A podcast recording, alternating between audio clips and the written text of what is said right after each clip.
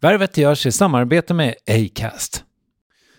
Värvet har ett samarbete med Telia, ett telekombolag som knappt behöver någon vidare introduktion. Det är ju Telia som till exempel driver 5G-utvecklingen framåt i Sverige och som har landets bästa nät enligt oberoende undersökningen Umlaut 2023. Ja, Telia är så förknippat med kvalitet att det liksom spiller över i världen i övrigt. Saker är Telia, eller så är de inte det. Nyligen uppstod det ett nytt ljud här i ateljén som jag inte förstod var det kom ifrån. Det lät så här. Det var inte Telia för mig som jobbar med just ljud, men efter lite detektivarbete visade det sig att det var någon slags bakmaskin som hen en trappa upp hade införskaffat och med en lätt justering av placeringen slutade den låta ner till mig. Att ta tillmötesgående grannar, det är Telia. En sak som verkligen inte är Telia för oss som jobbar med kunder också, det är när de inte får tag på oss. Det finns det dock bot på. Telefonväxeln Telia Smart Connect, en molnbaserad växel med extremt låga trösklar och massa smarta funktioner. När jag hörde vad Telia Smart Connect eh, kan göra tänkte jag, okej, okay, det där har ju ingen företagare råd med. Men den kostar otroligt mycket mindre än man tror. Så om du vill att ditt företag ska ha tid att jobba mer effektivt, missa färre samtal och ha mer flow i tillvaron, mer Telia helt enkelt, ja, då föreslår jag att du börjar på telia.se företag. Stort tack Telia och Telia Smart Connect. Dels har jag vuxit upp som yngst och idoliserat mina syskon och pappa har alltid varit skådis. Alltså det är så här, för, dem, för mig har, innan jag ens ville vara skådis var alla redan skådisar. Men sen också när liksom farsan och Alex vinner back-to-back -back Golden Globes och man är så här, fan hoppas jag får göra någon, whatever. Alltså så här, det, det, vi jobbar ju på olika, totalt olika karriärer.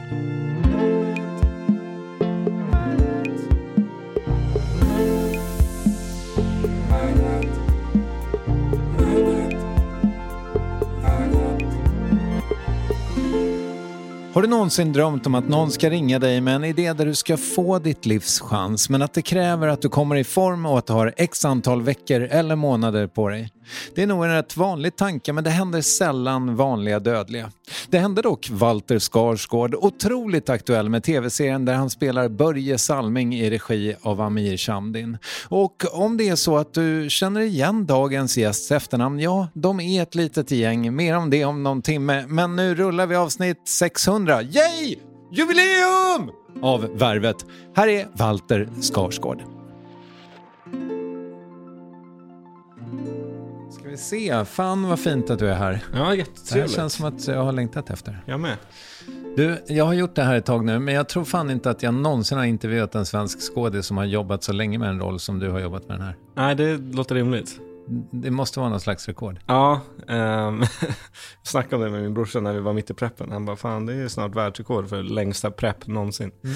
Mm. Um, det var så det kändes också. Varför tog det så lång tid? Det var en blandning av saker. Så först så när jag tackade ja, det var fem år sedan nu. Då fanns det inte ett projekt utan jag blev, hoppade på tidigare än vad man oftast gör som skådis. Då hoppade jag på innan det fanns ett manus eller någonting, det fanns inga pengar. Um, så då var det bara Amir um, och Börje. Och sen när Viaplay och Warner kom in, då var det två år kvar till inspelning för då skulle de börja skriva på manuset och allting. Men då var jag ju redan med så jag var med så fort de klev på. Och då sa jag till dem att så här, om jag ska lära mig åka skridskor och komma i form, liksom, då kommer det här ta ett tag. Så vi drar igång det nu. Vänta inte tills det är ett halvår kvar och så sitter vi där sen och bara fan, det här var inte tillräckligt. Um, och som tur var så fattade de också den grejen. Och då blev det två år av, av prepp. Liksom. Mm. Efter två år av att mentalt ha det framför sig och påbörja lite, gick och spelade bandy någon gång själv för att här, testa att åka skridskor typ. Um, men, På Zinken? Ja, exakt med, med Bayern. Och sen, ja, två år av fullt, fullt jobb liksom. Ja, så du har varit på payroll så att säga i två år? Ja, i, ja nu är det tre år, men två år innan vi började filma, så mm. från 2020. Sweet deal ändå eller? Ja, alltså verkligen. Det, det, blev, det var ju liksom ja och nej. Det var ju Liksom, det var inte som att jag jobbade, egentligen var det inte som att jag jobbade på riktigt. Men samtidigt var det svårt för mig att jobba med något annat samtidigt. Så jag kunde inte vara så här, ah, ja men fan jag tar den här stora feta. Tur var så blev det aldrig så att det var en krock på riktigt. Jag filmade lite Beck och sånt där samtidigt. Men, um, men det blev ju liksom som ett, alltså det var ju 24 timmar om dygnet som man, som det, man var on the clock liksom. Mm. Um, allt man åt, hur man sov, varje dag, träning och så här. Men eh, det var det, var det värt. Ja, det jag har ju precis eh, sett hela skiten. Okej. Eh, Mm. Ehm, jag är så nyfiken på, liksom, baksidan av ditt jobb måste ju ändå vara att det på, så, alltså det är liksom 50 shades av väntan. Ja, det är precis så det har varit. Liksom fyra år av att man ser det här på... Det var nästan det som var det konstigaste när vi blev klara, att jag nu inte har det här framför mig längre. För till och med när vi blev klara i Toronto i november, då hade vi ändå en vecka kvar i februari. Så även då var det så här, shit nu är vi klara. Men jag har, jag har fortfarande börjat på horisonten. Liksom. Um, och så det, alltså hela mitt liv sedan 2018 liksom, har det här varit någonstans i mitt huvud. Det har varit framför mig hela tiden. Jag har varit så här, ah, sen när det där ska hända. Så det, blev, ja, men det, det är verkligen det. Att det var, alltså nu när premiären ska komma, man bara så här, fem år senare sitter man här och bara, jaha, nu ska folk se det här liksom. Nu ska vi släppa det här projektet, nu är det på riktigt. Och det blir en helt annan känsla. Och på det så inte börja med liksom. Mm. Det, är en, det är en väldigt märklig känsla att vara här nu. Um, när man kollar tillbaka vart vi började. Men, och, och liksom även innan dess, jag menar du har ju gjort det här i, vad blir det nu, typ tio år på riktigt liksom. Ja. Ehm, jag antar att du har fått vänta ganska mycket på andra grejer också. Ja, men inte på det här sättet. Alltså som sagt, man har väntat på grejer och så har det varit grejer som inte blivit av och man har fått roller och sen har de tagit tillbaka dem och så här. Så man är van vid det där osäkerheten som finns i den här branschen med att så här, man vet aldrig, pappa brukar säga att han vet inte att han är med i en film förrän han ser sig själv på duken. Eh, för jag har blivit bortklippt från filmer också, så det är så här, man har, man har man har nästan slutat vänta, liksom, även i all väntan. Mm. För det är alltid så här, ah, ja, okej, man skickar iväg en provfilm, sen får det vara liksom. Och så försöker man bara, man tar det när man kommer dit lite. Um, försöker man i alla fall, men det är inte alltid det funkar. Men, men det är ju en, en jävla väntan, även bara vardaglig, alltså dag till dag på set. Jag tror det var Martin Wallström som sa till mig någon gång när vi gjorde Arn för hundra år sedan. Att hela den här branschen är hurry up and wait. Mm. Alltså det är liksom, skynda till set och måste vara klar, du måste gå upp fem på morgonen och allt ska vara redo. Och sen så sitter du där så är de så här, ah nej men vi är inte klara förrän om två, tre timmar. Mm. Hopp, så sitter man där och väntar. Sen så, skynda, skynda, skynda, skynda, skynda, skynda. Nej men du kan vänta lite. Så, här, så man måste alltid vara on standby liksom. Så det är väntan är, känns som att det är 90% av det här jobbet. Men har du någon liksom sån yttersk sida som känner att du måste, så här, om du har fyra timmar där du inte, alltså känner du att du måste prestera även i väntan? Um, nej, det tycker jag nog inte. Det beror på, det beror på liksom hur väl förberedd jag känner mig inför dagen. Om jag är så här, fan, jag känner mig inte helt cool med texten eller så här, fan, jag är inte redo för de här grejerna eller så här. Då känner, kan jag nog verkligen känna så här, okej, nu råkar jag ha massa tid, nu skulle jag vara helt, helt korkad om jag inte tog vara på den här tiden. Men om jag känner så här, jag ska inte prata i resten av scenerna idag. Nu är jag fyra timmars paus, ja då kommer jag ligga och kolla på Netflix liksom. Alltså jag känner, då kan jag verkligen, då, för jag tror att det är viktigt att kunna slappna av när man väl får chansen. För att du är så himla på spänn hela tiden annars. Får du lite tid, då är det så här, okej men då tar jag av mig grillarna och går ner till basecamp igen liksom. För att jag pallar inte sitta här uppe i full mundering när vi inte vet när jag behövs igen liksom. Ibland var det så, däremot på så här hockeygrejerna då valde jag rätt mycket att vara med mer än vad jag behövde just för att se lite Alltså om det var så att, att vi var, det var, jag hade en Niklas som hjälpte mig med hockeygrejen som var min body double också. Um, men vi gjorde fortfarande all hockey tillsammans och då kunde det liksom, om jag visste att han skulle göra någonting då de bara, men du behövs inte för den här delen än liksom. Jag bara, okay, men då kan det också vara så att jag bara, men jag är inte säker på exakt vad det är jag ska göra sen. Om jag ska göra samma koreografi och sekvens, då vill jag gärna vara med och kolla och prata med honom och bara liksom istället för att gå ner och chilla ett tag så är jag hellre, känner jag hellre att jag har koll på, på läget liksom. Ja, fan vad, det, det är fan ett otro, otroligt projekt ju. Ja, tänk, det- att, tänk att du har fått vara med om det här. Ja, det är faktiskt helt sinnessjukt.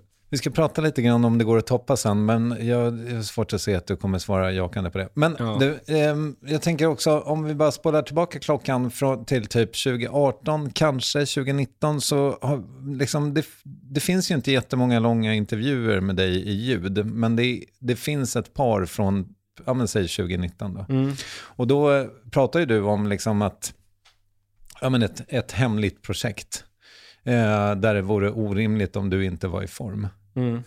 Och jag tänker mig att just det där, att för när du berättar om det, då låter det liksom som att du, du är så här, fortfarande ton, tonårshullig, liksom, och så Mm. ska du helt plötsligt komma i form. Hur var den resan för dig? Ehm, den var världsomvändande liksom. Ehm, jag, jag, alltså det var inte att jag aldrig hade tränat, så vi pratade om det innan, att vi körde ju båda två på samma ställe förut. Mm. Ehm, men det var liksom, när vi skulle börja, 2018, då sa jag redan där och då till Börje och mig, jag, bara, jag är tjock och jag kan inte åka skridskor. Liksom. Jag, bara, det här är, jag gillar pasta mer än vad jag gillar hockey. Alltså, så att vi är med på vad, vad ni ger er in på här. För jag vill inte stå där sen och vara så här att låtsas säga jag kan någonting och bara, ah, men det är skitbra. Och sen står man där och kan inte och de bara, vad fan har nu, liksom, det hade känts respektlöst mot Börje tycker jag och mot alla liksom. Det hade inte, jag hade inte varit bekväm med det, så jag var tydlig från början. Och sen två år senare så var jag tydlig igen, när vi väl skulle dra igång med preppen. Jag bara, nu måste vi köra för jag är fortfarande inte i form. Och så bara, "Ah, det är lugnt. Och Börje bara, jag känner en tränare och så här. Jag bara, okej, men då kör vi. Um, och där vändes mitt liv upp och ner. Liksom. Um, så var det verkligen. Jag, jag hade liksom lite erfarenhet av att träna och framförallt då fightbox och sånt där. Um, men liksom visste ju inte hur man tränade på riktigt. Liksom. Jag visste inte hur man gjorde bänkpress med bästa form. Eller så här. Jag kunde inte göra en squat med 40 kilo på. Liksom. Ehm, men några månader senare så var det 117 kilo. Liksom. Det blev en jävla omvändning mentalt och fysiskt och sen att lägga om hela mitt sociala liv. För det var ju så här, ja, jag ska käka matlådor varje dag i två år. Det är så här, ja, jag kan inte gå ut och käka en lunch. Utan det är så här, ah, ska vi ses på lunch? Ja, nej men jag käkar hemma, men jag kan, vi kanske kan ses efter. Någon timme, för sen måste jag på hockey, men sen måste jag, och sen måste jag hem och käka nästa matlåda. Men efter det kanske vi kan ses. Men inte för sent, för jag ska träna imorgon bitti också. Och så var det under hela tiden liksom. Nu lät det som att du var tvungen att åka hem och äta din matlåda, men det fina med matlåda är att man kan ta med sig den. Tänkte du på det? Ja, det kan man göra, men det är svårt att gå till en restaurang med en matlåda Ja, ja. och vilja mikra den där. Jag har gjort det. Ja jävlar, ja fan det kanske jag borde gjort. Jag, Jag jag, vet- vet- hade inte den... Det, det är ingenting jag rekommenderar. De, de blev inte jätteglada i köket Nej. av det. Eh, men, ja, förlåt. Ehm, ja, nej, så när vi filmade så var det ju såklart lite enklare. Då, då tas den ju med vart man än ska. Men, men när man var hemma på, på stan, då, var det liksom, då kändes det enklare att gå hem Mm. och käka. Om man skulle hem till någon, då är det så här, ja, jag drog hem till syrran och tog med mig en matlåda liksom. Men så det var liksom, och sen så, så här, alla event och fester man skulle gå på, då var det så här, nej men jag ska inte käka eller dricka någonting på hela kvällen. Liksom. Jag käkar min matlåda innan, och sen går man dit och sen så festar man hela natten för att det var sådana fester, nykter då liksom. Ehm, och det, var, det, det är väldigt många som har, runt omkring mig som har sett den här resan som jag nog tror att de är nästan lika taggade på att det här är slut som jag var. Och Bara för min skull, att de bara så här, de har sett hur jag har liksom, nej men det, nu ska vi liksom, nej jag måste hem för jag ska, alltså man, man märker ju hur det påverkar en och det var ju jävligt slitigt och det var jävligt jobbigt. Men andra sidan av det är att jag har fått lära känna min kropp på ett helt annat sätt och lära känna mig själv mentalt och liksom hitta mig själv och vuxit upp i det här på något sätt och blivit så här, fan nu blev jag vuxen ofrivilligt i att jag behövde liksom lägga om hela mitt liv och hitta ett, ett, ett liksom fokus i det här och, och pusha mig själv på ett sätt som jag aldrig någonsin visste var möjligt. Liksom. Och det är jag jävligt tacksam för. Men det, det låter ju ganska plågsamt, men hade du njutning i det också?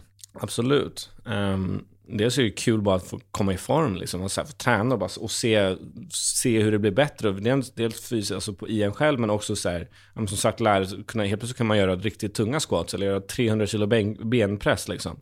Um, och såna här grejer som man aldrig trodde man skulle kunna göra. Och Bara så här, fan, det går ju liksom. Och man, då blir man ju så här lite taggad och det blev, gick från att min PT var tvungen att pusha mig ur min comfort zone till att han var tvungen att hålla tillbaka mig för att jag inte visste vad gränsen var längre. Att jag var såhär, nej men vi kör, vi kör, vi kör. Han bara, du kommer skada dig igen. Vilket jag gjorde några gånger. Men det var jävligt jobbigt och jag ska verkligen inte låtsas som att det inte var det. Och det var vidrigt. Men jag ångrar det liksom inte. Jag är glad att jag har gjort den här resan. Och, och det har hjälpt mig liksom. Nu handlar det om att försöka hitta någon balanserad sida i det. I att träna och käka nyttigt utan att svälta mig själv och träna fem timmar om dagen. Men också inte släppa det helt. Det är lite där jag försöker hitta den, en, en, någonting som funkar i längden. Liksom.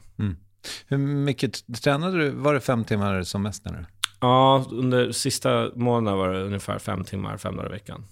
och då fyspass och hockeypass? Eller? Nej, så då var det inte hockey längre. Så då, hockeyn hade jag, då hade hockeyn pausat för de smälter isen på sommaren. Så då var det ingen hockey att köra längre. Så då, då, då när vi drog upp träningen, då var det liksom kondition en timme, träna två timmar. Gym. Um, kondition en timme till. Eller något ja, det kunde något, ja men fyra, fem timmar, då kanske en och en halv timme kondition. Då. Men det var liksom först en promenad och sen styrketräning och sen cykla och liksom, det var så det var varje dag. Och så åt man ingenting. Så jag, det var några veckor där då jag verkligen mådde, alltså jag var, jag var liksom ett skal typ. Mm. Min, min syrras man sa en av de sista dagarna där, han bara om, om du fortsätter med det här länge till så kommer jag kliva in och sätta stopp för det. Han bara, det går liksom inte. Mm. Jag bara, jo, typ. Men, men det var ju liksom, och det visste ju min tränare också, så jag fick må jävligt dåligt ett tag, för vi behövde vrida på det sista lilla inför inspelningen liksom. Och sen när vi började närma oss inspelningen, då lättade vi på det lite. Då drog vi ner träningen, jag fick äta lite mer, bara för att det hade inte gått att jobba samtidigt. Då var jag ju ledig, så då var det så då kunde jag ligga hemma på soffan och bara vara tom i några veckor. Mm. Men, men det gick liksom inte om jag hade jobbat samtidigt. Det hade varit smart att dunka av alla scener med bar överkropp i början. Men det, det tyckte vi också. Mm. Um, men vi hittade, de hittade sätt att lägga in dem i februari året efter också. Så det var fantastiskt kul. jag fattar. Men um det var, jag, jag, tittade lite på din eh, senaste Twitch, den var lång som ett ösregn. Eh, mm. och det hände inte så mycket för mig som inte förstår vad du gör där riktigt. Men, ja. men jag, blir liksom, jag blev lite berörd av att du, så här, du, du spänner liksom musklerna precis i början. Så här, och eh, jag vet inte riktigt varför du gör det, men, men jag blev rörd av det. Ja. Eh, jag tyckte det var fint. Ja, kul. Så, som att du liksom mår bra. Ja, nej, men vad, vad roligt att du, att du känner så.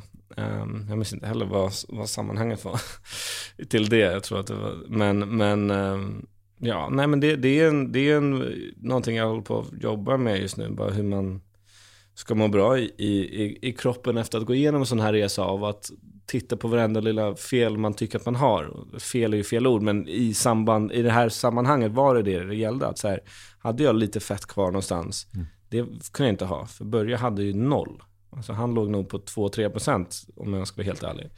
Och var vältränad som fan. Så jag var ju såhär, man gick ju för två års tid och bara så, nej men det här måste bort, eller det här, nej fan jag måste tona till det där. Det blir en sån otroligt ohälsosam relation till att det inte bara var så här, jag ska tappa, gå ner lite i vikt och hamna, bli hälsosam och bli lite stark. Utan det var så här, nej jag måste bli senig av hela kroppen. Och då måste man sitta och, varje gång man går förbi en spegel så tittar man och bara så här, är det där tillräckligt bra? Nej. Fan så går jag till tränaren och bara, fan den här grejen, vi måste nog dra ner lite mer på maten eller vi måste dra upp konditionen eller så här. För att man ska liksom känna sig helt nöjd där, vilket man aldrig blir. Liksom. Så det, var, det var, har varit en lång resa över där och nu försöker man väl komma in i någon slags så här, nu har jag käkat mer, men jag tränar fortfarande väldigt mycket. Så då blir, får, man ändå, då får man se det som en annan rolig resa. Alltså, okay, men nu får man lägga på sig lite mer muskler, för det kunde jag inte riktigt göra då. Jag skulle gå ner så mycket. Um, så man får försöka hitta ett sätt att och ha en sån, hitta en hälsosam relation till, till sig själv. Mm. Um, men det är svårt. Det, det, jag, jag kämpar med det fortfarande. Liksom. Det, det, det är svårare än man tror, för att det påverkar väldigt mycket att vara så besatt av sitt utseende fysiskt till en hälso, ohälsosam nivå. Att det, liksom, målsättningen var inte något bra egentligen mm. för min kropp och min, min hälsa. Um, utan målsättningen var någonting som, där, som min kropp inte är van vid att vara vid. För Börje var det säkert hälsosamt, men han är väldigt smal. Alltså han behöver inte anstränga sig för att ligga där. Mm. Jag behövde verkligen anstränga mig för att hamna där. Mm. Um, så det, det, har varit en, det har varit en resa att komma tillbaka från det också. Ja, men jag fattar det. Fan, precis, det är liksom ändå, jag menar, om, om jag förstår dig rätt i de här tidigare intervjuerna så känns det som att det är ju liksom från, ja men du låg väl inte bra innan heller så att säga. Nej. Det var liksom för mycket och nu är det för lite och att, ja men precis som du säger, att hitta en balans där, det är ju nästan mm. så att du skulle behöva en psykolog typ? Eller? Ja, men fan terapi har man hållit på med länge nu. Okay. Um, ehm, så det, det, det, det jobbar vi på. Liksom. Ja, Okej. Okay. Vad um, pratar ni om? Allt möjligt. Mm. Livet, alltså mm. saker som är jobbigt. Mm. Men en annan sak som jag också blir berörd av är ju Börjes och Margittas relation i serien. Mm. Eh, Och som jag förstod det så hade ni ju liksom dem med er i viss mån. Mm. Va, var de sådär fina med varandra i verkligheten också som de är i serien? Ehm, ja, så, Nej. Så, nej, för fan de hatar varandra. Nej, ska, nej, så vitt jag vet, nu var inte jag där på 70-talet liksom, när de var, när de var tillsammans. De har ju, har, har ju skilt sig sedan många år nu. Ehm, eller ja, innan Börje hade gått bort då. Men, men ehm, vi jobbade ju nära med, Börje var ju väldigt nära manusarbetet under hela resan liksom. Så, så han hade ju väldigt mycket input i sin del av storyn och sen var Margitta också med och, och pratade väldigt mycket med Hedda som spelar henne. Och, och fick också, de flesta som har viktiga roller fick ha ganska mycket input om, om sina karaktärer. Så länge det inte blev liksom så här, nej jag var coolare, utan det var som, så länge det kändes ärligt och att de fick ha ärliga konversationer så var det väldigt viktigt att de fick säga sitt. Sen fick man ju också ta allt med en nypa salt, för folk kunde, det var ibland började bara, jag hade aldrig sådana där skor på mig, det skulle jag aldrig ha. Vi bara, här är en bild på dig med de skorna på. Nej, nej det skulle jag aldrig ha. Liksom, alltså, så här, det var, ibland så blir det så, man minns inte vad fan man gjorde för 50 år sedan alltid. Liksom. Men, men ehm, som, som det verkade och vad vi hörde från dem och deras berättelser och, och, och allting, all information vi kunde ta vara på så var det precis så fint det var. Liksom. Ehm, Vad är det här? En bil? Jag kan väl se att det är en bil, men vems är det? Men var? Men, men vad menar du? Jag menar att jag och Inge gick och köpte varsin bil. Vill du köra? Ja, det vill jag. Och det, det, det, det känns kul att, att, att, det, att det framgår hur, genom, när man tittar på det sen. Liksom. För det var känslan när vi gjorde det. Vi bara, fan det här, den här, det kändes bra för mig och Hedda. Och vi hittade, hittade någonting som vi tyckte kändes väldigt fint. Och, som, och tog med oss grejer som, från dem. Alltså så här, Margitta, Börje var inte med så mycket när vi väl hade börjat filma. Men Margitta la in lite grejer ibland. Hon här, nej men fan det där minns jag. Och så, så där gjorde vi. Så det här var en typisk grej. Det är någon, en scen där hon hoppar upp och liksom kramar mig i ett hopp. Liksom. Det. Och det tog vi med just för att Margitta hade sagt att så brukade hon alltid göra. Liksom. Det var en typisk grej hon och Börje gjorde. Så då tog vi med det bara för att så här, fan det... Ja men vi försökte ta med deras grejer liksom. Men, men hela historien är väldigt nära sanningen på nästan alla plan. Ehm, så gott som det går liksom. Sen så är det klart att det, det är fortfarande en, en, det är inte en dokumentär och det är, det är våra tolkningar av alla de här händelserna. Men, men vi har haft lyxen att ha väldigt mycket information att, att utgå från och de flesta personerna som är med lev, levde fortfarande och kunde man ha kommunikationer med på resan. Liksom. Ja. Älskade de på riktigt vid Niagara Falls? Eh, det vet jag faktiskt inte. Det får, får man fråga Amir tror jag. Det, den, den, eh, den frågan har inte jag ställt dem specifikt. Nej, jag fattar. Men, Men det kan de säkert ha gjort. tyckte Börje, för att jag menar, i, liksom, nu, jag ska inte spoila för mycket, men det kan man ju liksom googla sig till och folk kanske minns det också. Men tyckte Börje att det var jobbigt att den här cola-grejen var med? Nej, det tror jag inte. Ehm, utan som sagt, vissa av de här sakerna är svårt för mig att svara på. Just för att jag trodde jag, vi skulle ha mycket mer tid att kom, prata om det här, jag och Börje, än vad vi hade. Um, så när vi väl kom, jag var ju i min prepp medan han var och hjälpte med manuset fram tills att vi skulle börja filma. Liksom. Um, så vissa saker har inte jag 100% koll på, men, men det tror jag absolut inte. Utan, utan känslan är att för Börje så var det någonting som det, det ligger bakom honom nu. Det känns som att han har ganska mycket distans, hade mycket distans till mycket av det som, som är med i serien. Att han var så här, ja men det var ju bara så liksom. Och så här, även lite som han var på den tiden, att det var så här, för honom var inte det en grej. Han var jo men klart man svarar som det var. Så här, ja nej, men han testade väl någon gång liksom. Sen så blev det ju någonting väldigt jobbigt för, för honom där och då och för familjen liksom. Men, men det, det tror jag inte han trodde det skulle bli och det har ju, är liksom lite bortblåst nu. Ehm, och jag tror inte att han, han tänk, ser på det som så här, "Åh nej, ska det dras upp igen? Utan det var, nu är det en annan tid och det är liksom, man, man hade nog koll på att det var ganska många fler som höll på på den tiden än bara han. Det var bara han var den enda som var ärlig nog att säga det. Ehm, och nu höll ju inte han på heller. Det är ju, kom, framkom ju ganska tydligt i serien också att så här, det var inte som att han, han satt och drog ladd varje dag liksom. Men, ehm, men ehm, nej, jag tror, inte att, jag tror inte att han hade något problem med det. Och, och det känns inte som den killen som skulle vara såhär, nej men det där är lite pinsamt. Och han säger, "Men fan, nu berättar vi historien liksom, då kör vi liksom. Alltså så här, här är det som hände, så får man berätta grejer, så kan han ha lite synpunkter, men jag tror inte, det känns som att det skulle krävas ganska mycket för att han skulle gå in och vetoa någonting och vara såhär, nej men det här tar vi bort liksom. Ehm, kanske han gjorde, jag vet inte riktigt, jag var inte med under skrivandet riktigt, men, men Men, men du har ju också berättat att när, när du och Amir träffade honom tidigt så var det ju så här, alltså hans stories var liksom för bra nästan, alltså att, ni, Ja. alltså att fiktionen fick liksom dämpa verkligheten lite så att säga. Nästan. Har du något exempel på det? Um, jag vet inte om det någonsin blev någonting som vi tog. Men det, visst, det var vissa grejer där jag nästan var så här. När han kom hem, körde hem i bilen efter match eller träning. Han kunde sitta och bara gråta i bilen. Och bara slog i ratten och bara grät och grät och grät. Och sen bet ihop och gick in till sin familj. Han bara, för att ingen fick någonsin se dig svag. Det var många sådana saker där man bara så här, han beskrev det så otroligt filmiskt och man bara, det, det nästan blev nästan en, det blev nästan klyschigt liksom. Men det var så. Och det var det, det, det går inte, you can't make this up, är lite sammanfattningen av hela Börjes liv liksom. Det, allting är lite sjukare än vad, vad man skulle kunna hitta på. Och du fick ju gråta. Ja, Mm. det fick jag ändå. Är det några, är det liksom några känslor som du inte hann med? Nej, fan, jag känner som jag täcker rätt mycket. Jag är arg några gånger, jag är glad några gånger, jag är kär, jag är ledsen, ångest. Nej, fan, jag tror vi täcker de flesta baserna i serien. Alltså. Jag får känna ganska mycket grejer. Alltså apropå det här med grejer som går att researcha så tänker jag mig just liksom kring hockeyn känns det ju som att du har fått väldigt mycket hjälp och, och det känns ju väldigt verklighetstroget som sagt. Men just så här att hitta hans gång till exempel, du, du går ju en del, särskilt Mm. i början liksom. Var det en grej? Nej, alltså inget som vi tänkte på så. Jag tror att det blev en, en biprodukt av allt fysiskt arbete vi gjorde och att liksom min tränare alltid gick och skrek på mig och sträcka på mig och se stolt ut och liksom och sen så tror jag också att det handlade lite om, om känslan man bara hade i scenen. Jag tror att det kom nästan naturligt lite att så här, i början så är det lite, gå på ett visst sätt, han är tonåring och lite så här otrygg. Sen så är det liksom, gå in i Maple Leaf Gardens blir en annan gång.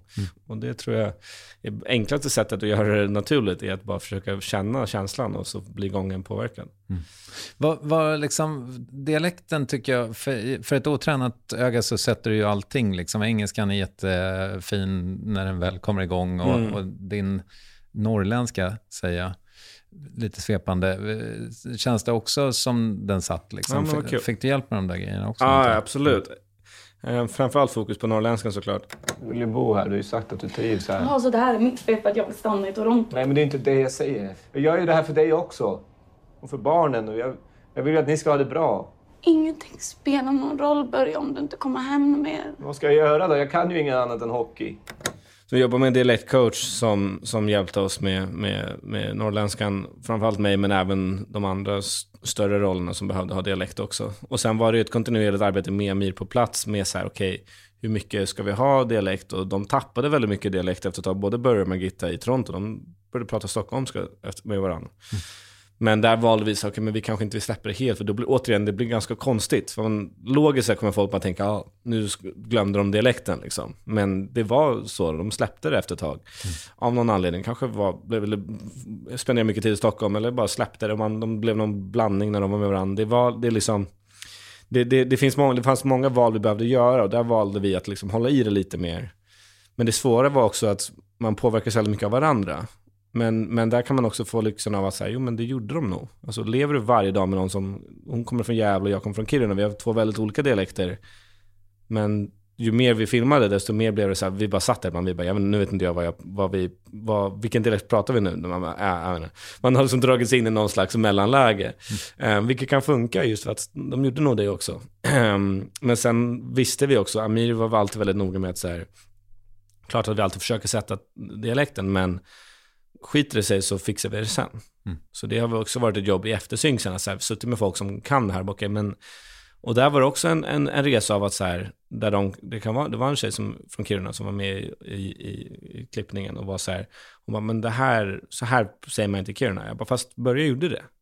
Jag har sett klipp, det här var ett aktivt val jag gjorde, för han pratade så. För att just Kiruna är så svårt för att det är så otroligt specifikt, det är en sån blandning av dialekter, så folk kan prata väldigt olika där uppe. Och då fick man till slut komma till en punkt av att så här, okej, jag kanske vet att Börje sa de, orden, de här orden på det här sättet, men ingen annan vet det, så ska vi kanske ta det så att folk inte så att folk köper det för att, som sagt, hon från, som, som är från Kiruna köpte det inte. Bara, fast det var sant, men där kommer man också in i så här, okej, okay, hur sant behöver det vara och hur trovärdigt ska det vara? Mm. Um, så det har varit en, en, en resa i det där också. Sen engelskan jobbade vi lite på också, just för att så här, han med dialektcoachen, just att så här, vad, vad, vad de väldigt typiska misstagen svenskar gör när de inte är så bra på engelska. I början så var det ju bara yes, alltså så här, då kunde han ju ingenting liksom. Men sen så blev det lite bättre, men då var det fortfarande så här, okej, okay, men vad, vissa ord och så här, J-ljud på engelska som, som job, då säger många svenskar jobb, mm. jobb, alltså så här, inte betoningen på det och sådana grejer som vi hittade som verkligen gör att man hör att det är lite off. Och sen så senare då så försvinner nästan det också. Han blev väldigt bra på engelska såklart efter 17 år liksom. Och vad är liksom, för det låter som att det var så många utmaningar, dels med liksom träningen, med dialekten mm. och, men vad, vad var svårast med projektet? Um, hockeyn. Mm. Varje hockeyinspelningsdag så är man så här, det, är liksom, det, var, det är en sån ångest av att så nu ska jag gå ut och göra någonting jag inte kan och alla, och alla ska titta på att se hur bra jag kan göra det. Mm. Liksom, det blev en otrolig press varje gång. Um, och även om det kändes som att det gick bra för det, absolut, absolut för det mesta, liksom, så är det ändå så här, man bara, ah, fan jag skulle vilja vara lite bättre på hockey. Mm. Liksom, det hade varit nice att vara lite bättre och lite, så börjar man ju också bara, fan jag skulle vilja vara lite bättre på norrländska. Fan jag önskar jag var en hockeyspelare från Kiruna istället, så hade det varit mycket enklare. liksom. Um, men istället så så är man en gamer från Stockholm. Liksom. Mm. Men, eh, men det, det funkar ju liksom. Och det var, vi hade otroligt duktiga hockeykoordinatorer som gjorde hela koreografierna. Och det som var svårt var liksom när, vi, när man skulle börja jobba med hockeyspelare som spelar de andra rollerna, alltså statister och sånt där, som man inte känner. Liksom. För när vi var, började filma här i Sverige, då kom, lär man ju känna dem och då, så då vet de ungefär vilken nivå jag är på. Och då kan vi hitta ett samspel. Liksom. Men sen ska man gå ut här, i Toronto sen för första gången och bara alla de här jävla hockeygrabbarna från Toronto som har spelat hockey sedan de föddes, liksom, kom, föddes på skridskor typ. Och så ska man gå ut där för första gången och bara så här, jag var försökt säga till dem, jag bara, jag kan liksom inte spela hockey. Jag bara, jag bara har överseende nu med att det här kommer ta lite tag, för jag kan inte spela liksom. Men det, det en grej jag kommer ihåg var, det var några av dem som kom fram till mig efter ett tag, när vi hade filmat några veckor. Um, och bara såhär, fan Walter, jag hörde, som bara såhär, fan det var någon som sa att du inte spelat hockey innan. Så mm. Jag bara, ah, nej alltså aldrig någonsin. De bara, de bara, på riktigt? Jag bara, ja. De bara, vad fan, då är det här jävligt imponerande. Liksom. Så de, de trodde nästan, det var flera av dem som ändå gick på att jag kunde spela sen innan. Oh, wow. um, mm. Så det var ju alltid, då var, då var han så okej, okay, men då kanske det kommer funka i alla fall. För att liksom, de, de köpte det till en viss del. Liksom. Sen så förstod de ju att jag inte var lika bra som alla andra såklart. Men de tänkte att jag kanske la av för länge sedan. Men nej, jag, de, för dem var det svårt att tro att jag började på noll. Liksom. Har du hållit i det? Har du spelat mer? Nej, för fan. Det, men samtidigt så, vi blev ju klara, alltså innan, ja i februari blev vi färdiga. Sen så, ja det fanns väl någon månad där man hade kunnat spela hockey, men då ville man ju ta en paus och sen har det varit sommar. Så det mm. har inte funnits tid att åka skridskor heller. Men nu i vinter kanske man får, får ringa runt lite och se vem som har mina moderna skridskor. Ja, vi hade ju gamla i serien, men de vill jag inte ha. Nej. Jag vill köra med riktiga. Min kompis Olle Sarri har något hockeylag. Jag kan se om jag kan snacka in dig i det. Ja, perfekt. Mm. Men du, ehm, ska den här serien ut i världen? Vet du det? Ja, det är planen, tror jag. Ehm, jag tror den kommer släppas på Viaplay som har ju, de har ju öppnat upp i Nordamerika och sånt där. Liksom. Um, men men det, det finns absolut en ambition att den ska ut utomlands på, på ett eller annat sätt. Liksom. Mm. Du, apropå det där, hur många ställen är den inspelad på? Um, länder eller städer? Ja, gärna. Vi filmat i Norrköping, Stockholm, Gävle, Kiruna, Toronto och Toronto adjacent städer utanför, runt omkring Toronto, Niagara Falls såklart. Och sen i Mexiko, i um, Tulum. Det känns som att den där sista, den gjorde ni bara för att få... Att åka till Mexiko? Ja. Alltså det var en scen som, som, som var väldigt viktig för Amir och det var en, för honom var det en viktig del av, av storyn. Just för att ja, du som har sett det kan, vet vart den spelas in i, i, i samspelet med, med Ballard och allting. Um, man sa till oss, sa, vi ska åka till, liksom, det ska utspela sig på Caymanöarna, man bara, vi ska åka dit och filma det här. Och jag och Hedda satt där i Gävle och bara, vi bara satt där, vi bara, det kommer vara en green screen i Frihamnen liksom. Alltså det, det, eller så kommer det skrivas bort. Jag bara, det finns ingen chans att de, att de lyckas rättfärdiga att vi måste åka på värsta sköna resan. För typ 45 sekunder i serien. Ja men exakt, liksom, för någon som blir sådär en inspelningsdag. Men, ehm, och sen så till slut de bara, ja, så vi åker till Mexiko. Mm. Vi bara, okej, liksom. Min, den veckan för mig var att jag var, åkte från Stockholm till Gävle ehm, för Game for Börje. Sen åkte jag ner samma dag, morgonen efter flaggade till Kiruna. Filmade uppe i, uppe liksom norr, en, en och en halv timme norr om Kiruna i snön i en vecka. Sen åkte jag hem, hade fyra timmar hemma innan vi skulle åka till flygplatsen igen för att flyga till Mexiko. En dag då jag ännu inte fick äta för jag inte har några jävla kläder på mig. Filma en dag och sen hem dagen efter. Så jag bara kom hem därifrån och bara, liksom. Ja, Och då var vi klara med allting. Det var otroligt vackert där och det var, Hedda åkte ner någon vecka innan och hade sjukt trevligt tror jag. Nej, det hade hon inte. Det kan man lyssna på. Eh, Ja, hade hon i, inte det? I, I Värvet avsnitt, vad det nu blir. Ja. Eh, men, eh, hon kände sig ensam bara. Ja, det, det hörde jag efter ett tag. Hon började messa efter några dagar och bara, hallå, när kommer ni? Jag bara, jag är i Kiruna, låt mig vara. Men du, ehm, jag vet inte om det är oproffsigt, men jag har en känsla av att det här kommer eh, att förändra din karriär ganska eh, markant. Ja, kanske. Ehm, det, det är ju du är inte den första som tänker i de banorna. Jag tänker såklart också på det och, och det är väldigt många som, som är så här, fan, det här kan ju bli, till och med min terapeut har varit inne på det. Mm. Han bara, så här, det här kan ju verkligen bli en grej liksom. Men jag är så jävla bränd från den här branschen att jag är så här, jag vill bara säga, jag bara, ah, jo, fast, eller så hatar alla den och så händer ingenting. Eller så ingen vill se den och så dör den och så försvinner allting.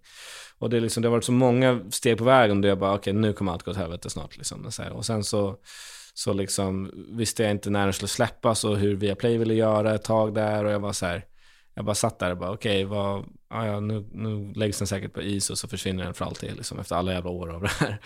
Men det är klart att, att man tänker också det. Och det. Men det som är svårt för mig är så här, hur kommer det påverka ens karriär? Och vad innebär att det kommer påverka ens karriär? Den kanske blir skitstor den här, men vad är skitstor?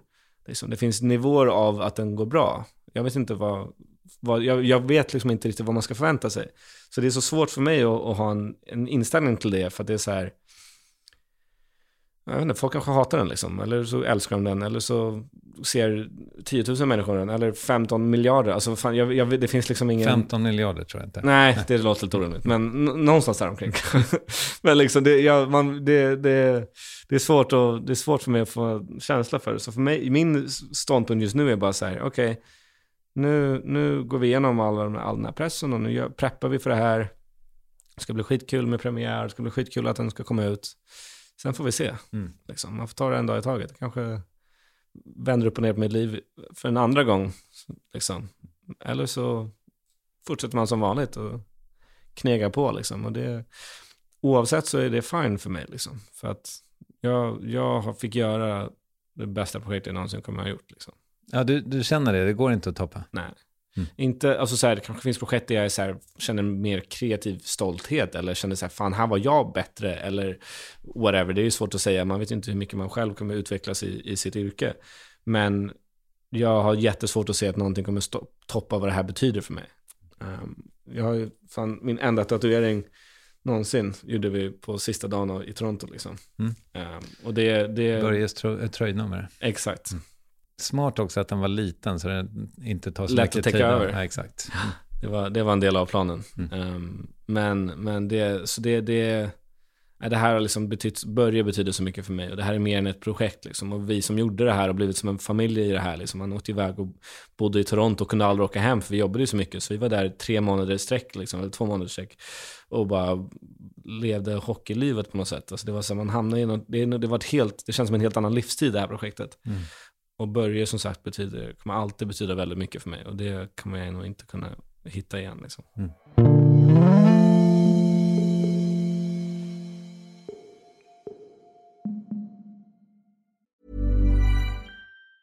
Say hello to a new era of mental health care. Cerebral is here to help you achieve your mental wellness goals with professional therapy and medication management support. 100% online. You'll experience the all new Cerebral Way, an innovative approach to mental wellness designed around you. You'll get a personalized treatment plan from a therapist, prescriber, or both in a safe and judgment free space. Your cerebral therapist or prescriber will outline a customized plan with clear milestones along the way so you can get to feeling your best. With Cerebral, you're not alone in your mental health journey. We're here to empower you to live a fulfilling life. So take that first step towards a brighter future and sign up today at cerebral.com slash podcast and use code ACasts to get 15% off your first month. Offer only valid on monthly plans. Other exclusions may apply. Offer ends July 31st, 2024. See site for details. Ryan Reynolds here from Mint Mobile. With the price of just about everything going up during inflation, we thought we'd bring our prices down. So to help us, we brought in a reverse auctioneer, which is apparently a thing. Mint Mobile unlimited premium wireless. Ready to get 30, 30, bit to get 30, bit to get 20, 20, 20, bit to get 20, 20, bit to get 15, 15, 15, 15 just 15 bucks a month. So, Give it a try at mintmobile.com slash switch. $45 upfront for three months plus taxes and fees. Promo rate for new customers for limited time. Unlimited more than 40 gigabytes per month. Slows. Full terms at mintmobile.com. Men du, ehm, nu ska vi se. Du var lite inne på det här, du, för det är svårt för dig att veta hur liksom, ditt liv kommer att påverkas av det här. Men har du jobb nu, bokade? Um, nej, alltså det skulle vara om vi fortsätter med Beck liksom. Um, det blev också så märkligt när liksom, när vi blev klara med det här så, så var det ganska mycket fart på, över, över, på andra sidan havet liksom. Och jag gjorde rätt mycket provfilmningar och jag var så här, men fan nu, nu vill jag göra någonting, en, en engelskspråkig produktion och kolla om man kan hitta något kul liksom. Det fanns flera projekt jag var uppe för som jag var så här, fan det här var jävligt fett. Sen så kommer det en strejk som fortfarande håller på. Mm. Och det blev ju också en grej. Då man sa, okej, ja, ja, då försvann allting som man hade uppradat och det var vissa grejer som var på gång och sånt där. Så det, det, fan, jag vet inte, alltså, vi, vi får se. Ja, inget som jag vet liksom. Du gjorde ju någon skräckfilm som jag eh, plågade mig igenom för att Mm. jag har svårt för den genren. Ja. Eh, också kanadensisk. Funhouse kanske. Exakt. Mm, är det två kanadensiska skräckfilmer, det är den till som jag inte ens har sett som heter Don't Click. Ah, okej. Den behöver du nog inte plåga dig igenom tror jag. Ehm, men eh, precis, och Funhouse var en svensk producent, men kanadensisk film. Sen gjorde vi Vancouver. Sen året efter så gjorde jag en utanför Toronto. Mm. Som också var en skräckfilm. Mm. Så det, kanadensiska skräckfilmer kör jag på ibland. Där är du jättestor. Där är jag skitstor. Ehm, men, ja nej, så det, det, det var också en väldigt rolig inspelning, Funhouse. Har de, har de, men de har inte strejk i Kanada? Nej, fast det är lite komplicerat. Jag tror, nej, jag tror inte det, men de påverkas ju jävligt mycket av det där. Okej. Mm. Eh, precis som att vi inte har strejk här, men jag kan inte göra vad som helst heller, för att även om inte jag är med i SAG, skulle jag jobba på ett projekt som bryter mot strejken, då kanske jag inte får gå med i SAG någonsin. Och, så här. Det, det, och USA tycker att de styr allting, så de sitter ju där borta och bara säger fast tyska skådespelare som jobbar på tyska produktionen, det går ju inte. De bara, fast jo, det är klart de får göra det. De får inte strejka. Ska vi prata om vad SAG är? Um, Screen Actors Guild, som är alltså facket för skådespelare i USA. Um, Och det började med WGA som är Writers Guild of America, som är deras författare, manusförfattarnas fack. Och de är ju klara nu med sin strejk. Um, de kom ju, hittade ju en deal med studierna, men SAG är inte det tror jag. Okej, Så därför har ju hela branschen pausats liksom. jag fattar. Men, men du har en agent i Amerika. Mm. Okej. Jag har en agentur där, Paradigm heter de. Hur, går, hur, eh, hur känns det? Det känns bra. Alltså jag har varit med dem sen, fan, åtta år sedan typ. Alltså var där någon gång och hälsade på någon eller gjorde någonting. Och så passade vi på, mina svenska agenter satte upp massa möten med agenter och managers och sånt där. Och så hittade jag några jag gillade och de gillade mig. Där har jag suttit sedan dess liksom. Jag får ju väldigt mycket provfilmningar och sånt där, men liksom Alltså jag jobbar ju inte så mycket utomlands just nu. Um, så jag, jag liksom jobbar ju inte lika nära mina amerikanska agenter som mina svenska. Mm. Men jag trivs jättebra med dem. Jag är manager också där borta. Men det är ju liksom hur mycket man själv kan påverka liksom vad ens agenter letar efter. Och jag tänker mig om du inte har landat så mycket i Hollywood ännu så att säga, då kanske man vill lyssna på allt. Ja, lite så. Beggars can't be choosers liksom. Men- Men, men, de sållar ju säkert en del också. Um, och jag, framförallt här i Sverige vet jag att mina agenter ibland har varit så här, de bara, det här säger vi nej till. Eller som de bara, det här, alltså så här, om de inte tycker det är värt att fråga så gör de nog inte det. Mm. Utan, men det handlar ju om, alltså agenternas roll är dels att leta efter grejer, men de tar ju också emot förfrågningar från andra. Um, men, men just i USA så är det liksom, de skickar, det, ibland så säger jag ju nej till self-tape requests jag får, att jag säger, det här verkar inget kul, det här, alltså liksom. Om de för, det, för det är ett jävla jobb att göra en provfilmning också. Mm. Man måste ju preppa allting i flera, några dagar och liksom filma och allting. Jag bara säger, om inte det känns kul då är det inte värt huvudvärken. Men um, det är ju det, alltså så här, det handlar ju också om, om, vilka som är intresserade av dig. Alltså du kan ju inte bara provfilma för vad som helst liksom. Alla kan inte gå in och provfilma för Superman eller något, liksom, utan då är det ju de som de vill titta på. Mm. Ibland så tittar de på alla, nästan. Liksom. Du skulle väl kunna söka Superman så att säga? Ja, om jag, får, jag får träna lite till kanske. Men uh, nästa gång de recastar den så. Men liksom, det, så, det, så det är svårt just för att så här, ja, men det, dels handlar det om vilka som, vill, som är intresserade av dig och vilka kontakter dina agenter och managers har. Om de kan prata med rätt folk och sånt där. Så klart att jag kan vara så här, fan, jag vill verkligen provfilma för den här, jag hörde att det här projektet ska bli av, eller den här, eller liksom, de vet vad man vill jobba med liksom. Men, men uh, i min position så är det ganska mycket så här, få provfilmningar för lite allt möjligt och jag är så här, ja, fuck, vi måste bara, man måste bara göra det ofta. Liksom, mm. att så här, just för att man inte vet när man får jobba igen. Liksom, det är svårt att vara så här, oh, fan det här var inte det bästa projektet. Men liksom, jag, jag har ju en väldigt annorlunda position gentemot jobb i USA till skillnad från resten av min familj. Liksom. Um, kan man ju säga. Mm, ja, men du ligger väl lite efter Ja. Alltså rent kronologiskt bara. Precis, det är det också. Men, men nej, så, och jag, det är verkligen liksom inte, nu menar jag inte att jämföra på det sättet, utan, utan verkligen bara så här, det bara är så. Alltså så här, man har ju, ja, ja, det finns ju många jobb jag gärna skulle göra som många i min familj säkert inte skulle vara intresserade av. Mm. Men det är bara så det är. Alltså så här, man är på olika delar av sin karriär och det, jag trivs liksom här ändå. Jag tycker det är kul att jobba med, alltså hade jag liksom, ja, det, jag, jag fick göra, börja projektet istället. Liksom. Det fick inte de andra göra. Mm. Och för mig är det viktigare. Liksom. Um, och och um, jag gör hellre det än att vara med i Marvel. Liksom. Vad kan du liksom berätta för mig om vad du vill ha för riktning? Um, det, fan, det, det är en bra fråga. Det är svårt just för att så här, jag kan ju tycka det är kul att göra skräckfilm, men jag kan också tycka det är kul att göra en komedi eller spela Börje Salming. Eller liksom, det, det, det, för mig handlar, jag har inte så här, fan den här sortens film tycker jag är kul. Utan det är snarare så här, fan människor man vill jobba med. Eller, eller om en karaktär är bra, om det är så här, jag skulle, det skulle vara kul att spela någon riktigt sjuk karaktär någon gång. Liksom. Det har jag gjort några gånger, men igen. Alltså jag tycker det kan vara så kul att gå bara totalt bananas och vara någon jävla seriemördare eller någonting. Alltså någonting som är så långt ifrån en själv som man kan komma bara för att så här, då får man gå in i något helt annat. Och det tycker jag kan vara väldigt kul, för då får man verkligen släppa ut all kreativitet. Medan som du spelar det själv, det är enklare, men det är lite bekvämare och det är, då kanske inte ger lika mycket alltid. Mm. Um, så jag tycker det kan vara kul att få bara kasta sig ut i grejer. Och sen så är det liksom, om man får hoppas att du har rätt, att det, man får ha, ha, ha, lite valmöjligheter efter det här kommer ut. Um, då handlar det bara om att kolla vilka manus som, som verkar kul eller vilka regissörer man vill jobba med. Eller liksom. det, det, det, det kan vara, det kan vara liksom, jag, jag är verkligen inte låst till att jag kommer inte göra en komedi. Liksom, eller jag vill inte spela en actionfilm eller något sånt där. Jag tycker allt kan vara kul om det är bra. Liksom.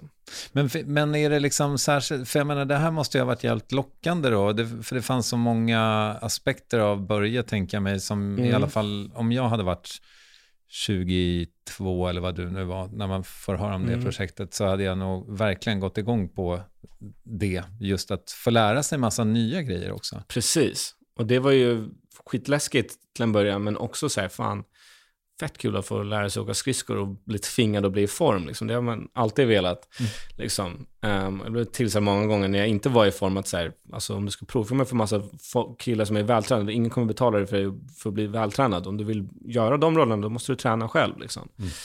Vilket det ligger en sanning i och det har jag försökt göra ett par gånger. Men, men ehm, det beror ju på vad man vill ha för sorts karriär. Men just när man är i den åldern jag, jag är och har varit senaste tiden sedan man blev 18 typ, då är det alltid så här snygga killen och det är så här hunkigt och det är framförallt utomlands.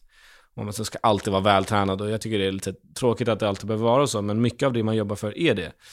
Um, och sen är det också ofta många av de rollerna jag faktiskt vill ha. Att jag säger, fan vad jag vill göra den där rollen. Som råkar vara så.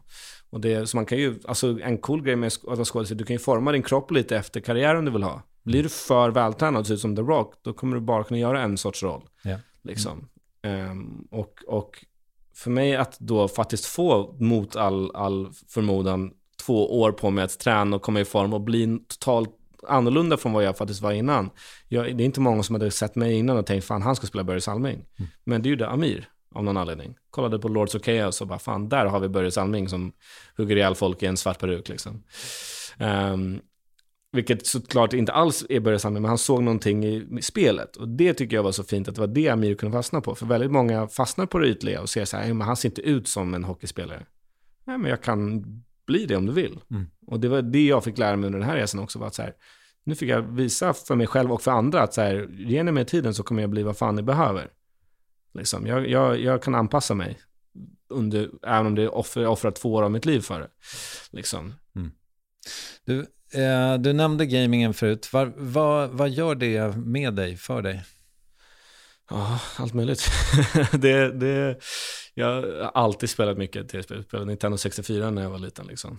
Um, det är det roligaste jag vet förutom alltså, skådespeleri. Liksom. Mm. Jag älskar att spela tv-spel. Det har jag alltid gjort. Och för mig så är det lite snarligt. Också. Man får försvinna in i en annan värld och leva i den där världen. Och så här.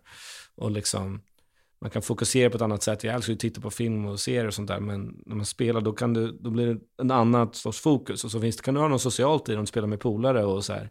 Så för mig är det, en, är det lite allt, allt möjligt. Att det är en social grej, det är så jag liksom knyter an till många av mina vänner. Och, och det är ett sätt att få komma undan om man har det lite jobbigt. Att kunna bara säga, okej, okay, fan, fokusera på något annat och bli distraherad. Få kunna få fly undan lite ibland kunna dyka in i en annan verklighet liksom och vara en pirat i några timmar. Mm. Um, Men har det gått överstyr? Har du spelat för mycket? Nej, det tycker jag inte. Alltså inte på ett sätt, alltså så här, inte på ett sätt att det faktiskt är ett problem. Utan jag, jag, jag tar aldrig med mig datorn eller Playstation om jag åker iväg och filmar bland annat. Mitt jobb kommer alltid först liksom, så jag har inga problem. Jag skulle inte säga att jag är spelberoende på det sättet, att, på det sättet liksom, att det faktiskt är någonting som sätter käppar i hjulet för mitt liv.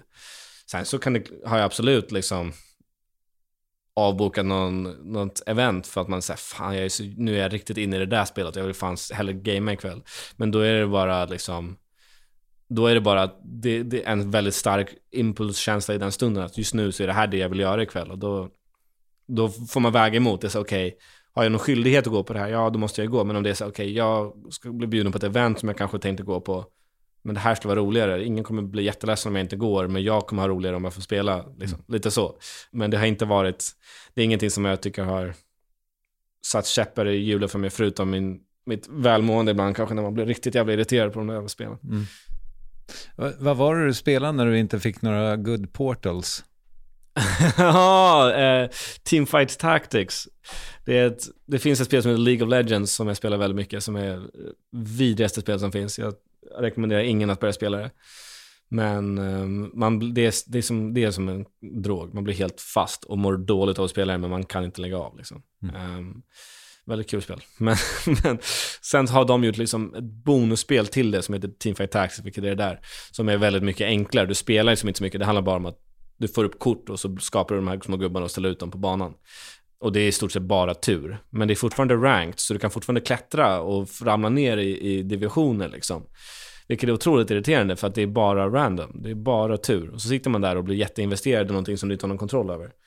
Och så, ja, så blir man bara arg. Ja, vilken otrolig pitch. Jag känner att jag måste installera det på en gång. Ja, gör aldrig det. Jag, jag var ironisk. Eh, förlåt. Eh, men du, eh, jag, jag, tänker mig så här, jag har ett par frågor eh, om ditt gamla liv ändå. Va, mm. Varför var högstadiet piss? Um, piss och piss, det var, det var alltså så här, det gick, kom och gick lite, lite tycker jag. Um, men jag, jag, det var liksom knepiga relationer, skulle jag vilja säga, med vänner och sånt där. Och folk som, liksom, tonåringar är ju dumma i huvudet liksom. Um, man visste inte vem man själv var, och ingen annan visste vilka de var. Och så glömmer man bort att tänka på andra ibland. Liksom. Och då blir det att alla går runt och mår dåligt. Mm. Men överlag hade jag ganska kul i högstadiet. Så jag, alltså jag, jag var ändå, jag var ändå rätt nöjd. Det hade kunnat vara betydligt värre med tanke på hur jävla emo jag var. hade, jag, hade jag haft otur hade jag kunnat bli otroligt mobbad genom högstadiet. Men jag hade ganska mycket kompisar ändå. Okej. Okay. Mm. Och, och sen blev det något slags teatergymnasium för dig? Precis, sen gick jag till Sankt Eriks gymnasium. Och där blev det en total annan upplevelse för mig. För där träffade jag mina bästa vänner jag har fortfarande. Liksom. Mm. Och det var det många sa till mig, för jag, när jag gick ut nian, jag hade ju slut med någon flickvän och jag var, bröt kontakten med polare. Det var så här dramatisk avslutning i nian, eller mot slutet av det året i högstadiet. För att ah, tonåringar är dramatiska. Men då kommer jag ihåg att det var så många som sa till mig inför gymnasiet, alla, bara, alla mina polare från barndomen lärde jag känna på gymnasiet. Det är där man får Jag bara, ah, jo men så säger alla liksom. Jag bara, fan, så är det inte alls. Men så blev det för mig. Jag, där hittade jag mina, då är man lite äldre och så växer man upp tillsammans på ett annat sätt. Alltså när man är, barn, kompisarna jag hade när jag var liten, vi var ju bästa polare och påverkade varandra väldigt mycket när man var små, men sen så blir man olika vuxna människor efter det. Mm. Men i gymnasiet, då lär man känna varandra, hittar man folk man gillar där, då fortsätter man sen växa och bli vuxna tillsammans. Mm. Så det är en väldigt trevlig klass och en bra skola liksom. Så det var, det var, det var trevligt. Förutom jag gick på Södra Latin. Jag menar inte att de inte var trevliga, men, men det var inte för mig. Jag bytte dit en månad, vantrivdes väldigt mycket och gick tillbaka till Sankt Eriks efter det. Mm, okej.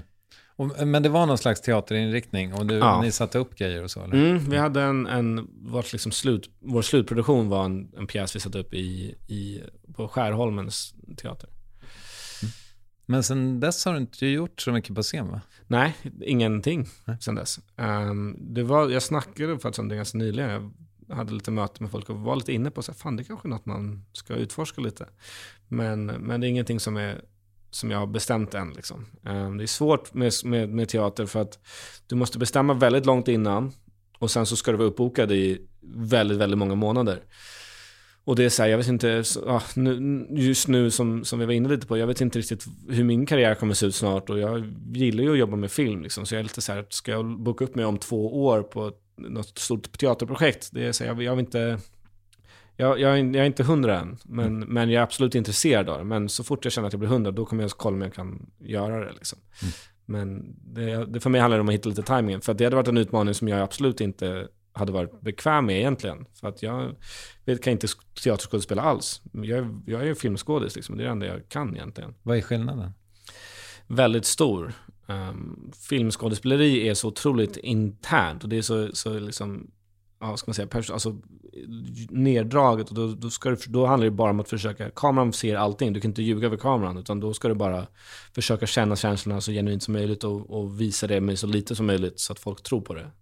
Medan på en scen, då ska du inte lura en kamera, utan då ska du höra, då ska de där bak längst bak i, i, i, salen ska se och höra och förstå vad du känner. Mm. Det är spel här uppe, det är en totalt annan skådespelargrej. Uh, min bästa polare gick scenskolan och, och, det är en sak som jag hjälpt honom lite med när han provade mig för, för han är jätteduktig teaterskådis. Men har inte så mycket erfarenhet av, av film. Så det är någonting när jag hjälper honom med provfilmningar. Jag bara, du måste dra ner teatern hela tiden liksom. Mm. Att så här, spel, spela det inte utan känn det. Medan på teater så ska du spela det. Medan en film så ska du känna det. Mm. Och det är det jag gillar med film. Men jag tror att det hade varit väldigt givande. Man hade nog lärt sig mycket och det hade varit en otrolig upplevelse att få bara spela ut de här känslorna en gång och bara mm. få känna på det där. Jag vet inte om jag hade varit bra på det, men, men eh, det hade varit väldigt intressant. Inshallah, snart eh, kanske vi ser dig i någonting där då. Exakt.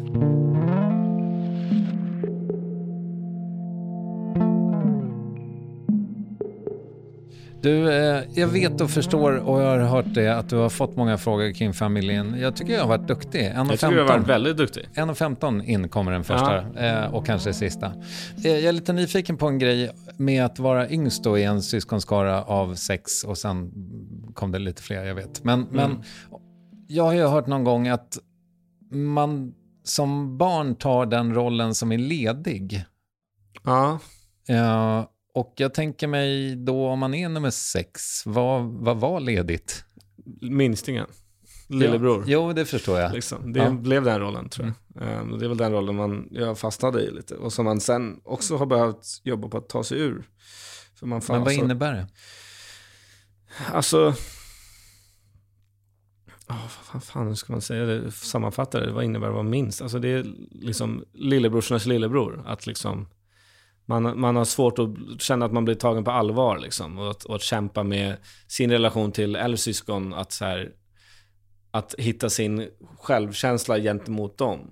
Eller sin trygghet gentemot mot, mot äldre syskon. Och, som att alltid vara yngst sätter ju sin spår. Man är alltid den som är lill, lillen. Liksom. För jag var nära med mina syskon och också alla deras kompisar. Så jag har ju vuxit upp omkring alla som är äldre än mig hela tiden det, det fanns utrymme att ta plats, men de andra var äldre och tog, tog massa plats. Och vi är väldigt högljudd och platstagande familj, att man måste kriga sig in. Och då var det så här, som minst var man så här, okej, okay, jag sitter här och iakttar och läser av de andra istället. Mm. Um, men det är ju det däremot att jag i vänskapsrelationer tog väldigt mycket mer plats och var mycket mer bestämd och, och bossig, eller man ska kalla det. Och du hade kanske lärt dig coola grejer också av de äldre? Exakt, så jag var så ah, jag, jag, visste, jag visste hur de, hur de var. Och då kunde jag vara så mot polare, då, var jag, då var jag cool och vuxen och stor liksom. Mm. Um, tyckte jag. Jag kommer ihåg när när jag tog studenten så fick jag klassens alfahane, man får ju säga klassens grej. Mm. För att jag var, de bara, om inte du hade varit skådis hade du kunnat bli politiker. Liksom. Jag argumenterar mycket och tar plats och så här, precis som alla i min familj gör också. Bara att jag inte gör det hemma. Så när jag fick den på, på stenskivan, alla mina syskon bara, va? Man, Walter? Kunde inte förstå det. För att hemma så har jag ju bara, jag bara lärt mig av dem hur man gör alla de här grejerna. Så jag sitter och bara iakttar det. Men sen så blev jag så liksom, privat sen i andra, andra sammanhang. Liksom. Men sen så ju äldre man blir desto mindre förs mer försvinner de där rollerna. Men det är ju någonting man får jobba lite på också. att så här, Ibland så sitter de där rollerna ganska djupt igen. Liksom. Man har som, som en, en, nära relation till någon som jag och Bill som bara är fem år emellan. Vi var ju verkligen storebror och lillebror när vi var små. Alex, Gustav och Sam var ju betydligt äldre. Um, och Eja är ju stora syster så vi har ju en väldigt nära relation på ett annat sätt. Men, men jag och Bill har ju verkligen haft storebror lillebror relationen.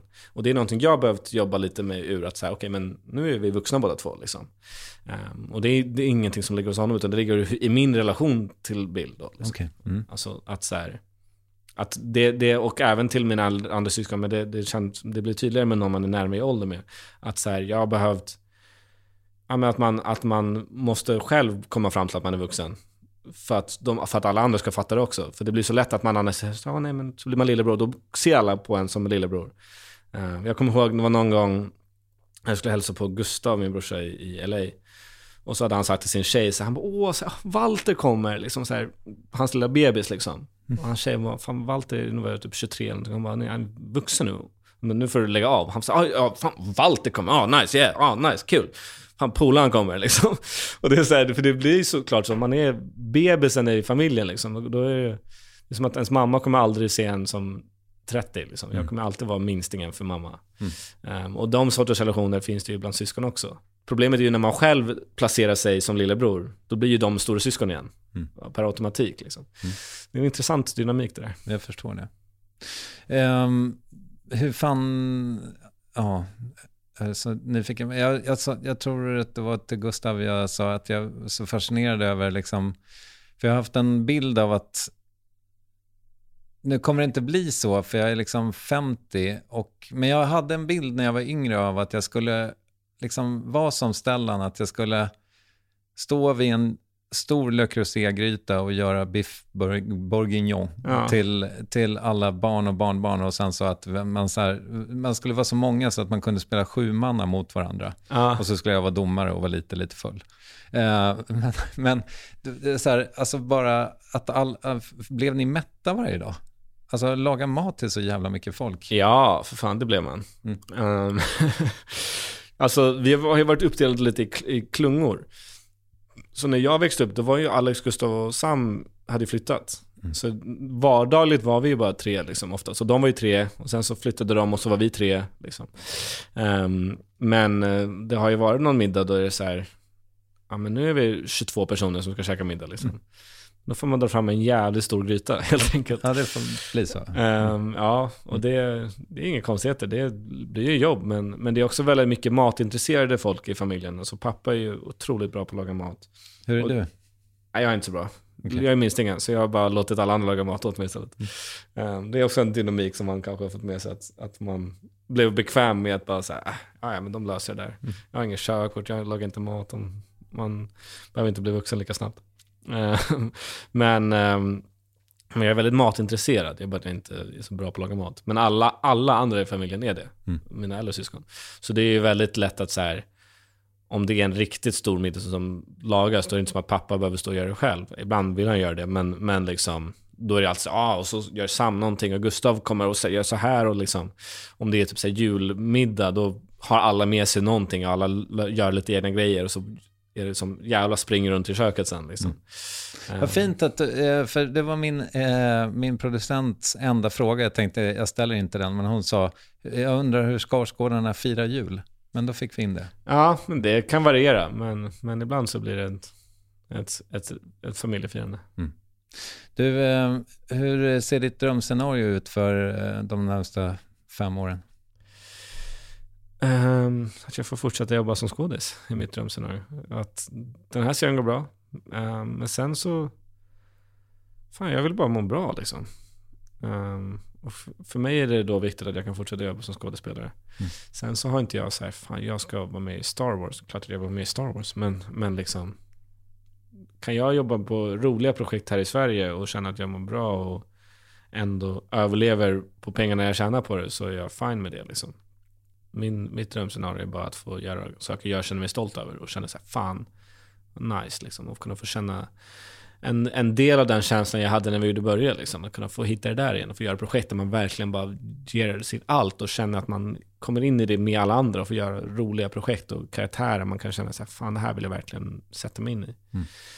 Um, det, det är min, mitt drömscenario. Har du någon avund? Alltså, eh, har du problem med det? Att du ser andra människor som landar jobb som du hade velat ha? Ja, för fan. Det, det har jag nog väldigt mycket. Um, alltså, eller så här, väldigt mycket, vet fan. Men, men det har jag absolut. Att så här, man, kan, man kan fastna i liksom... Att, att, man, att man bara, fan den där hade jag kunnat göra. Jag kan ha ibland kan ha svårt att kolla på filmer som jag, om jag kommer liksom långt i en provfilmningsprocess. Då kan det vara som att man sitter och tittar på sitt ex. Liksom. Att man säger, ah, fan det, det, det blir lite jobbigt att, att kolla på, dem, på den då. För att man bara säger, fan vad jag, det där borde varit jag. Eller jag skulle gjort det där. Eller, ehm, och man kan liksom, om man ofta förlorar roller till samma personer så klart att det kan sätta sig. Att man säger, fan den där, allt, ah, fan eftersom den där. Eh, Men ibland är det också rimligt. Ibland så är det många projekt jag har förlorat där man varit så här, ja det är klart att han fick den. Jag hade också valt honom. Liksom. Okej. För, att, men det, för det, är så här, det handlar ju också om, lite om att veta vart man är på the pecking order.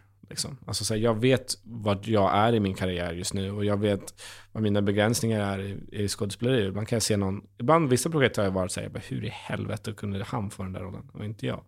Men ganska ofta så är jag så här, ja den här personen är väldigt känd och väldigt begåvad och väldigt hypad. Ja, men det är inte konstigt att, att producenterna eller regissören hellre vill jobba, ha den personen än mig. Men vad, vad, är det det som, för nu sa för 22 sekunder sedan att du vet vilka dina begränsningar är. Vilka är de då?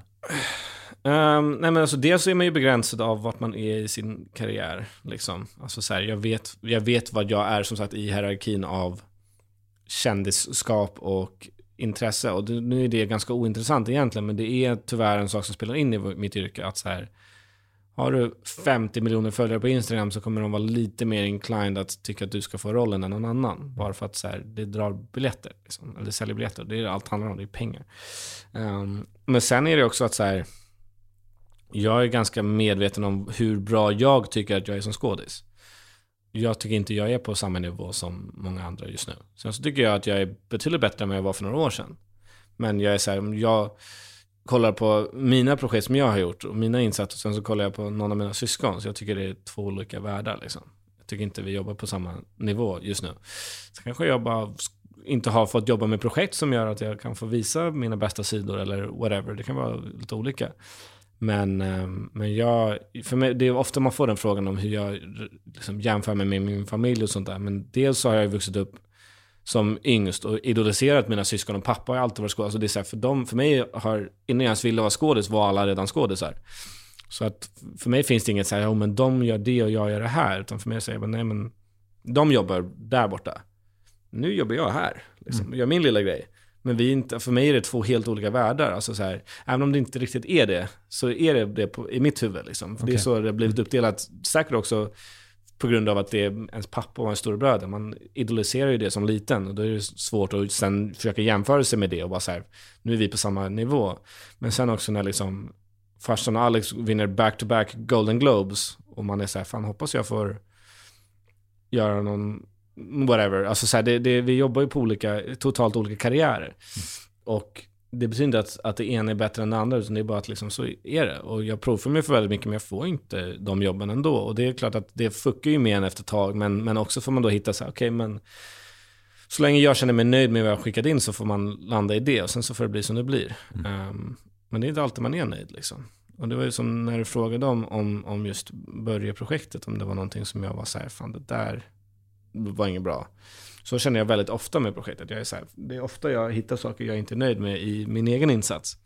Men just med den här så, så känner jag mig ganska nöjd. Och det är det viktigaste för mig. Det är saker, men fan, jag känner att jag gjorde allt jag kunde här. Och jag tycker fan ändå det blev ganska bra. Liksom. Jag tycker nog att eh, du har bevisat med det här projektet att du är en av de vuxna i familjen nu. Ja, men tack så jättemycket. Det betyder väldigt mycket. Mm. Eh, och jag tror inte heller vi behöver vara så oroliga för din framtid. Nej, jag hoppas, hoppas inte det. Lycka till med allt och tack för att du tog dig tid. Tack så jättemycket.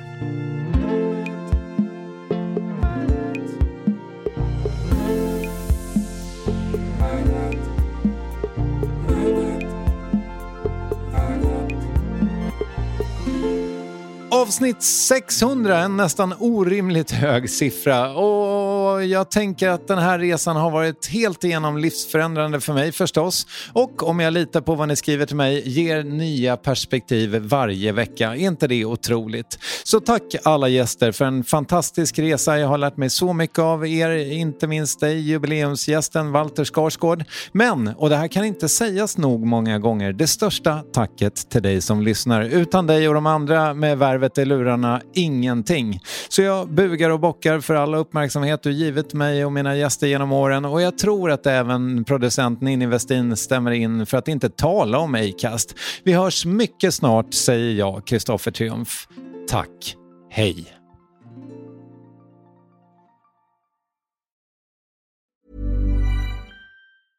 Spring, is that you? Warmer temps mean new Albert styles. Meet the new Superlight collection, the lightest ever shoes from Allbirds, now in fresh colors. These must have travel shoes have a lighter than air feel and barely there fit that made them the most packable shoes ever. Plus, they're comfy right out of the box. That means more comfort and less baggage. Experience how Allbirds is redefining comfort. Visit allbirds.com and use code SUPER24 for a free pair of socks with a purchase of $48 or more. That's A L L B I R D S.com, code SUPER24.